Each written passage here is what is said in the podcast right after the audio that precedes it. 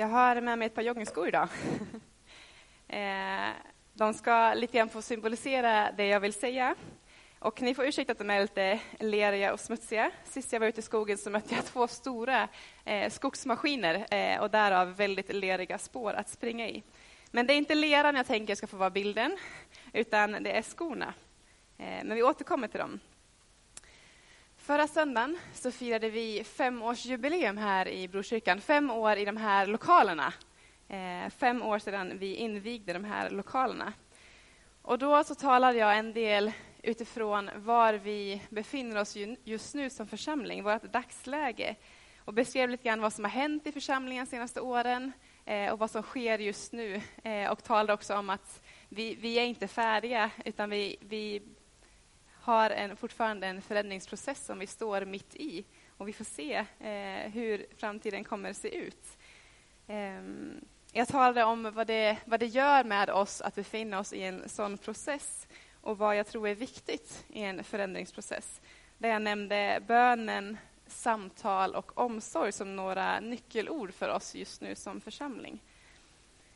Eh, och vi läste, eller jag berättade om berättelsen om Emmausvandrarna Ehm, som var så uppskakade av påskens händelser. Eh, då de här lärjungarna, de var lärjungar till Jesus, när deras befriare, som de såg Jesus som, när han dör på korset under påsken, och de vet inte vad de ska ta sig till, de vet inte hur de ska reagera.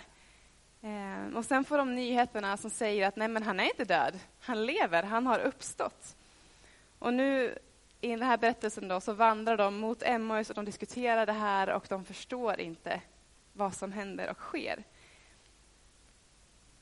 Och när de vandrar då så får de Jesus som sällskap, men de känner inte igen honom. De förstår inte att det är han som vandrar med dem, att det är han som beskriver vad det är som har hänt de här senaste dagarna. Inte förrän han bryter brödet med dem när de ligger till bords och äter mat. Och han bryter brödet tackar Gud och delar det med dem. Då får de upp ögonen och förstår vem det är som är med dem.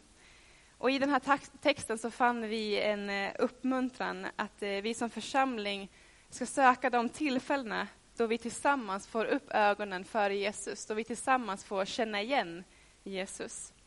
Precis som lärjungarna kände igen Jesus när han bröt brödet.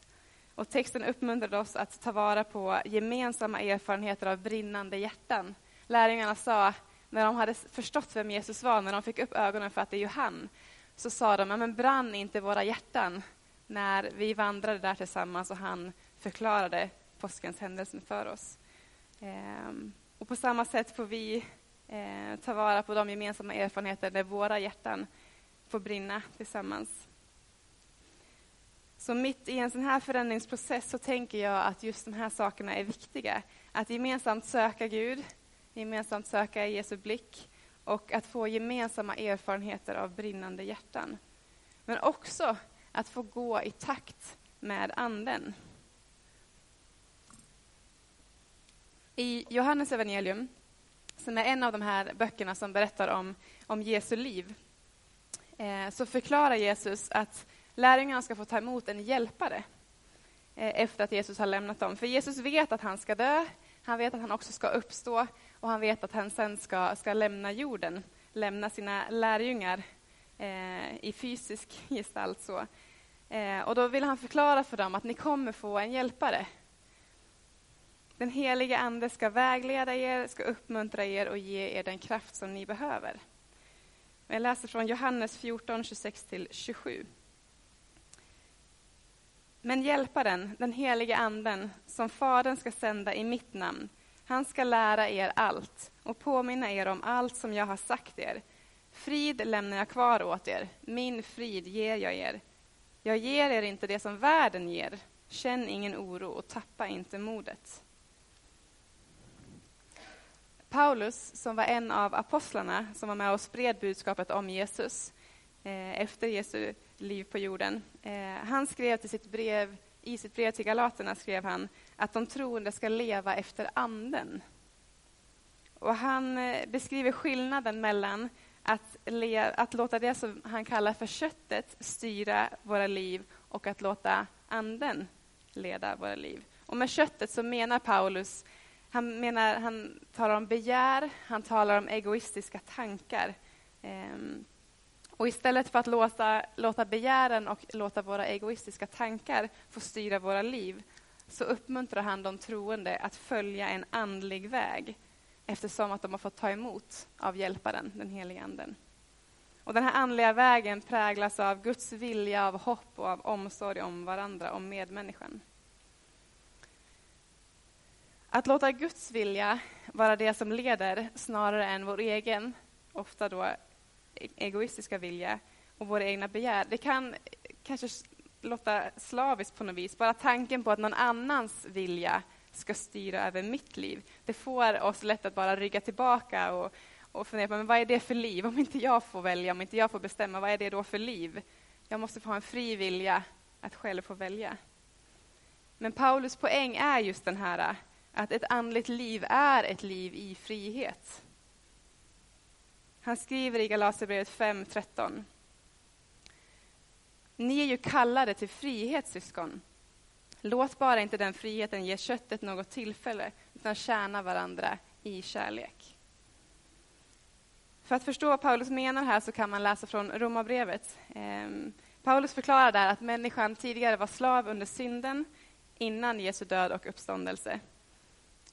Men att genom Jesu död och uppståndelse så blev människan befriad att leva i frihet. Frihet från begären. Så Paulus säger, synden ska inte längre vara herre över er. Ni står inte under lagen utan under nåden. Paulus förklarade så här om sig själv. Jag förstår inte mitt eget sätt att handla. Det jag vill, det gör jag inte. Men det jag avskyr, det gör jag. Viljan finns hos mig, men inte förmågan att göra det som är gott. Och jag kan känna igen mig i det. Jag vet inte om du också kan känna igen dig i de orden. Jag kan känna igen mig i den här frustrationen att ha en vilja att göra gott, men inte förmå sig själv att faktiskt göra det här goda, av flera olika anledningar. Det är svårt. Eh, och det är så mycket enklare att tänka på vad som är bra enbart för mig, än det större goda som jag egentligen vill göra, som är bra för flera. Och jag tänker att det är många gånger som det som vi talar om är det fria valet, kanske egentligen inte är ett fritt val, utan att det här fria valet då styrs av vår oförmåga att göra det vi egentligen vill. Och, och kanske också styrs av omgivningens påtryckningar på olika sätt. Men de gånger som man lyckas göra det här som man verkligen vill och som man tänker är det goda, då känns det riktigt gott. Jag tror ni känner igen den känslan. Och jag tänker att det är i den här oförmågan, eh, i den här frustrationen som hjälparen kommer in. Hjälparen, den helige Ande, som ska hjälpa varje troende att både se det goda, men också ge kraft att faktiskt klara av, och orka och vilja göra det goda. Paulus skriver, nu blir det alltså ingen fällande dom för dem som tillhör Kristus Jesus. Så när Paulus i Galaterbrevet skriver att vi som har ett andligt liv ska följa en andlig väg, så är det en väg i frihet från begär, fri att leva i kärlek så som Gud har tänkt det, som Paulus menar. Vid ett tillfälle för några år sedan så befann jag mig utomlands. Jag minns tyvärr inte längre vilket, vilket land det var i, men jag lyssnade till en predikan. Och i den här predikan så, så läste man vers, eh, en vers från Galaterbrevet 5.25 på engelska. Och den, eh, den levde kvar hos mig länge efteråt. Eh, och översatt till engelska så löd den så här. If we live by the Spirit, let us also keep in step by, uh, with the Spirit. Keep in step by the Spirit. Om vi lever med Anden, låt oss då också gå i takt med Anden. If we live by the Spirit, let us also keep in step by the Spirit. Nu har jag bett två konfirmander hjälpa mig lite grann. Edvard, Samuel. Ni kan få ställa er här i mittgången, så kan ni få ta varandras händer. Känns det bekvämt? Mm. Då kan ni bara få ta en liten promenad neråt här i mittlinjen. Har ni, iakttar ni dem när de går? Ni kan få gå tillbaka hit igen. Ni kan liksom byta hand och så går ni hitåt igen. Ni kan liksom iaktta dem lite grann när de går där. Lägger ni märke till deras fötter? De tar steg samtidigt. Till och med samma fot tar de steg, tar de samma fot fram, samma fot bak. De går i takt med varandra. Kändes det okej? Okay? Det var en trevlig promenad. Liksom. Ja. Kan ni prova att ta en till promenad här? Och så tänker vi så här att du är där, om du börjar liksom ett halvt steg före Samuel, och så hakar du på. Liksom. Ja, och så försöker ni gå så ett halvt steg. Liksom. Ja. Det, det flyter inte på lika bra. Det blir lite konstigt, lite konstlat sådär. Ni kan få promenera i valfri takt på väg tillbaka. Tack så mycket. Jag tror att ni har gjort en, en god poäng här. Ni lade märke till deras fötter, ni lade märke till att de var synkade eh, och att de, de gick, i, gick, i, takt med varandra. Och ni lade märke till att det var inte, inte bara att det var svårt att försöka gå i otakt, det var också ganska obekvämt och lite konstlat. Sådär. Det blir inte så trevligt när, när en går ett halvsteg före eller ett halvsteg efter. Är det någon som många gånger har tagit ett hoppsasteg när ni har tagit promenad med någon hand i hand? Det brukar vara mitt, eh, mitt, eh, min grej att göra när jag promenerar med min man Samuel och jag inser att vi går i otakt. Då brukar jag alltid ta det här extra steget så att vi hamnar i takt sen och så blir det lite, lite lättare att promenera tillsammans. Så. Vi springer sällan hand i hand, men jag tänker att skorna ändå får liksom, eh Eh, eh, de får representera bilden av att promenera, att gå i takt. Så. om vi går i otakt så blir det lätt ganska obekvämt. Det blir inte särskilt njutbart att strosa där bredvid varandra. Eh, om man alltid är ett, steg, ett halvt steg efter, ett halvt steg före, eller kanske till och med flera steg efter eller flera steg före. Bibelordet sa ”keep in step with the spirits”. Gå i takt med anden. Anden har vi fått som hjälpare. Var och en som tror har fått anden som hjälpare. En hjälpare som ska ge vägledning, som ska ge vishet, kraft och så mycket mer, så mycket annat gott. Och att då vandra med Anden, att gå i otakt med Anden kan göra det lite krångligt. Det kanske rent av kan bli obekvämt och det blir framförallt ganska ointressant. Det är ingen promenad man är sugen på. Att gå i takt däremot, i god, med god timing i stegen, blir genast både njutbart och också spännande när vi talar om Anden.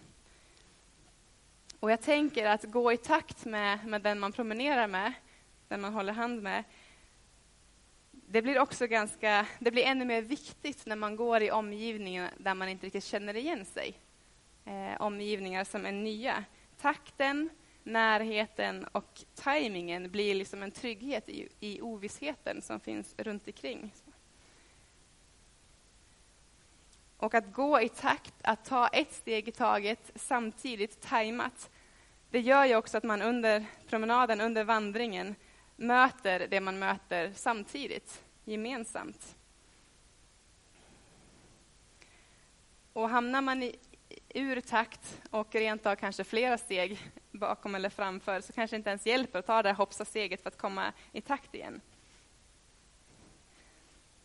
Jag tänker så här att ehm, efter att, eller det, det står så här att efter den här idén med Edens lustgård som Gud hade, paradiset, när den hade gått i stöpet, när människor hade syndat mot Gud och inte längre kunde leva kvar i det, eh, på det sättet som Gud hade tänkt i paradiset, så försökte Gud på flera sätt att rädda upp situationen, att rädda relationen med människorna. Men, det gick, ja, men det, han försökte på flera sätt, men det, det gick inte vägen riktigt. Till slut så bestämde sig Gud för att han skulle kalla ett folk till sitt folk och det här folket skulle sen i förlängningen välsigna alla folk på jorden. Så Gud utvalde Abraham eh, och genom Abraham så skulle det bli ett stort folk som så småningom skulle komma att kallas för Israels folk. Och när Gud då kallade Abraham och förklarade för honom att han skulle bli ett stort folk eh, så fanns det ett litet problem där och det var ju att Abrahams fru Sara var ofruktsam, hon kunde inte få barn. Eh, och Abraham själv var gammal. Men även om Abraham var gammal och Sara ofruktsam så lovade Gud att Nej, men ni ska få en son. Eh, och den här sonen ska vara liksom, början på det här stora folket. Och Abraham blev givetvis glad och han trodde Gud och han tog emot det här. Och barn var ju otroligt viktigt på den här tiden. Eh, att ha någon som kan ärva efter sig, att ha någon som kan föra släktet vidare. Otroligt viktigt. Det handlade om heder också. Eh, så han blev givetvis väldigt glad utifrån det också. Men han tvekade. Omständigheterna runt omkring gjorde att han ah, så här, funderade på hur, hur ska det här gå till. Och jag tänker att vi kan inte klandra honom för det. Han var gammal, de hade försökt få barn länge men inte lyckats. Eh, så det gick en tid eh, utan att de fick välkomna något barn. Så Abraham tänker att Nej, men jag, får, jag får nog lösa det här på egen hand. Det vore ju liksom jobbigt nu när alla vet om att det här ska ske, att det inte kommer något barn. Får, då tappar jag ju ansiktet inför allihopa. Men jag får försöka lösa det här. Så han ordnade så att han eh, fick barn med sin slavflicka istället. Sonen fick namnet Ismael. Men Gud höll sitt löfte. Eh, och Abrahams fru Sara blev havande och hon födde sonen Isak. Och det var med Isak som Gud slöt förbundet. Det var Isak som skulle få bli ett stort folk, det var inte Ismael. Abraham blev otålig och han hade inte riktigt tilliten till att ja, men, Gud verkligen skulle fixa det så som han har sagt. Så han sprang några steg före och tänkte att ja, jag löser det här. Men att springa före, att gå ett antal steg före, det, det hjälpte inte Abraham. Eh, Gud är en nådefull Gud och han lät Abraham på nytt komma i takt med honom. Eh, han, hans eh, folk skulle fortfarande bli ett stort folk, men det skulle ske genom Isak så som Gud hade sagt från första början. Ni kanske själva kan komma att tänka på några bibliska exempel där personer snarare har gått ett halvt eller några steg efter i takt med Gud. Så. Jag kom själv att tänka på Mose och Biliam när jag funderade på detta. Mose var den här mannen som Gud kallade för att befria folket då, Israel, när de eh, befann sig i slaveri i Egypten. Och Gud, när han kallade Mose, så lät han Mose få se tre tydliga tecken för att visa liksom att jag, jag är den levande guden och jag har makt, jag har kraft att låta det ske, det som jag säger till er. Han vill liksom visa att det här är jag, eh, tro på mig. Så Mose fick se en brinnande buske, som ju inte brann ner till, till grunden så. Eh, han fick se en eh, stav som blev till en orm. Mose fick kasta sin stav, den blev till en orm.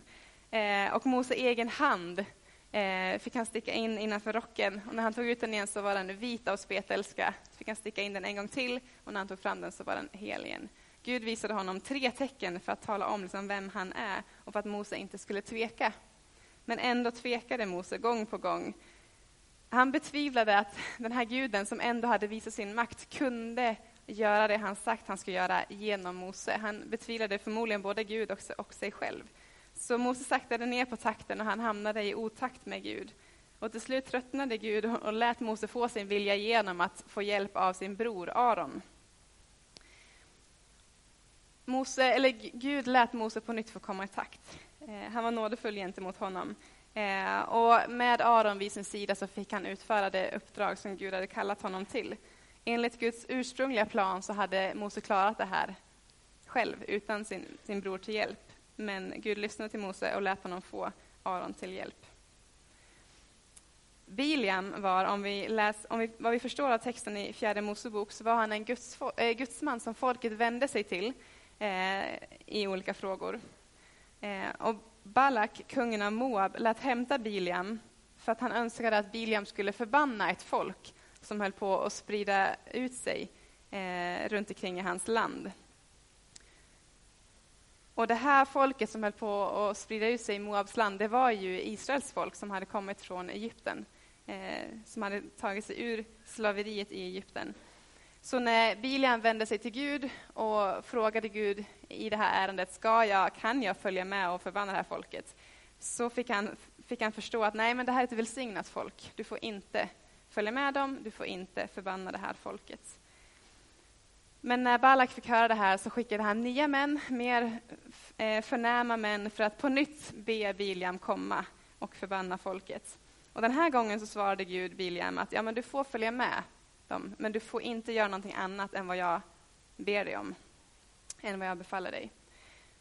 Så Biliam följer med, men på resan dit så verkar det som att Gud ändrar sig och vill inte att han ska följa med ändå. Så han ställer sin ängel på vägen för att hindra Biliam från att komma fram. Men Biliam ser den inte. Biliams åsna som han rider på ser den och väjer. väjer av vägen.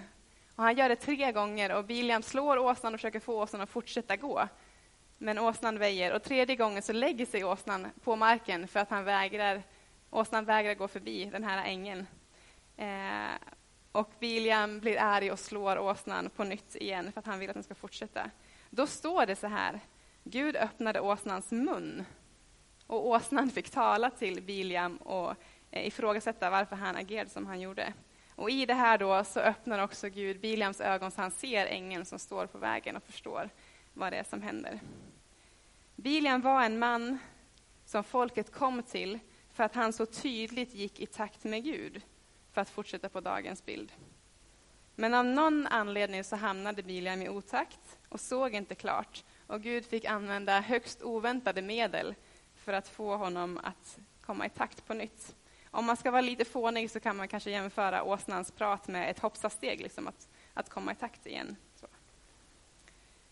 Men jag tänker att anledningar till varför vi kan gå för fort, varför vi kan hamna före i takt med Gud, det kanske har att göra med att vi tycker att det tar längre tid än vi har väntat oss. Det som vi, som vi tror och vi vill ska ske tycker vi tar för lång tid och vi tänker att då fixar jag det själv, då hittar jag på egna lösningar.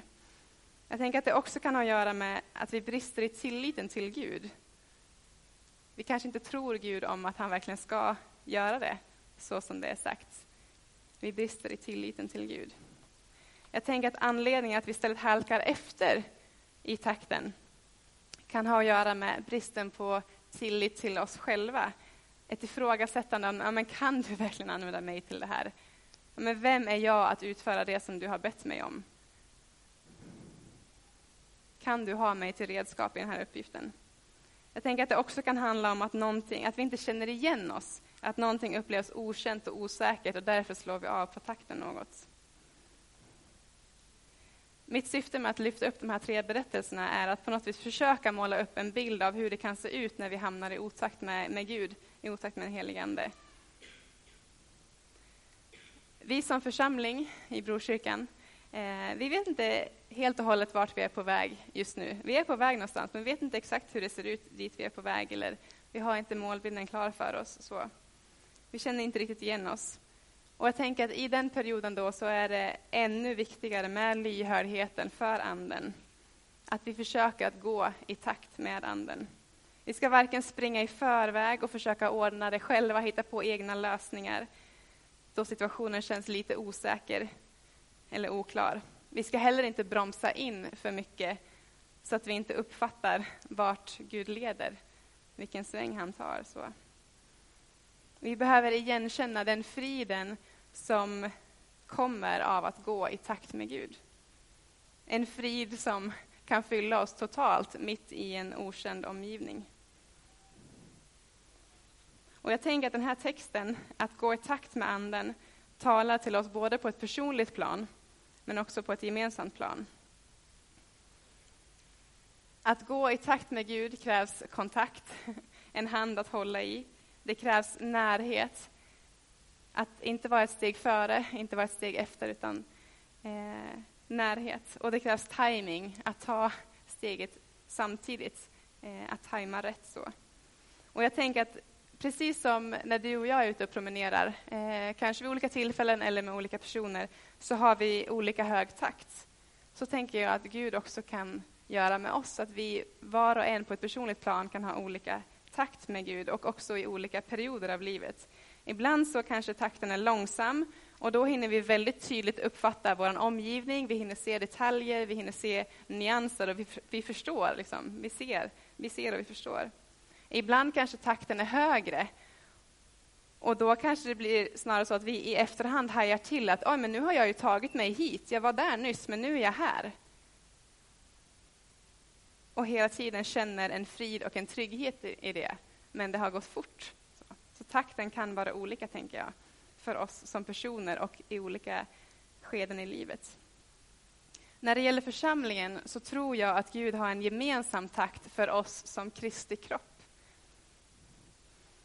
Och i det här så är utmaningen att försöka rymma de här stora drömmarna, förhoppningarna, med frågorna och med osäkerheten, samtidigt som vi försöker behålla takten. Att vi inte rusar iväg, efter de här stora drömmarna som vi ändå tror är sanna, som vi ändå tror vi ska sträcka oss efter. Men, och inte heller stanna av i osäkerhet. Utan att fortsätta hålla kontakten, ha närheten och tajmingen med Gud. Kanske också rent av att i tillfällen inse att nu är det dags för ett hoppsasteg, så vi kommer i takt igen.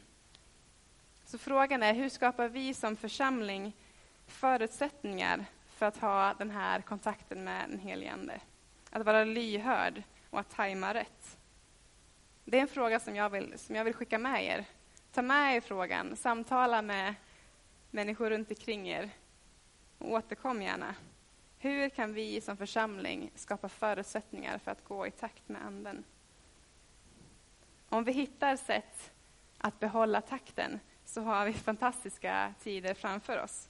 Och där kommer det rymmas allt ifrån frid och spänning, okänd mark och trygghet, utmaningar och en känsla av att vara på rätt plats i rätt tid. Jättespännande, tycker jag själv. Ta med er funderingarna, ta med den här frågan, samtala med vänner runt omkring er. Vi ber tillsammans.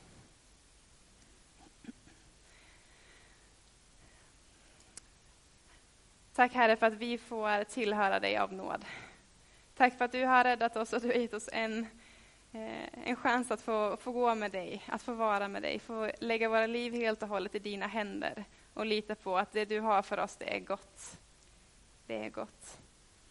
Tack för att vi har fått ta emot Hjälparen, eh, heligande som ska ge oss trygghet, som ska ge oss frid, som ska ge oss vägledning, som ska ge oss kraft, som ska hjälpa oss att se. Vi välkomnar den helige Ande in i våra liv och in i vår gemenskap här. Tack för att vi gång på gång får återfå takten att gå tillsammans med dig, Gud. Tack för att du är nådefull Gud som låter oss gång på gång få hitta den här takten igen. Och tack för att vi har nåden att få, ja, få gå med dig, få se vad du gör, få delta i det som du gör.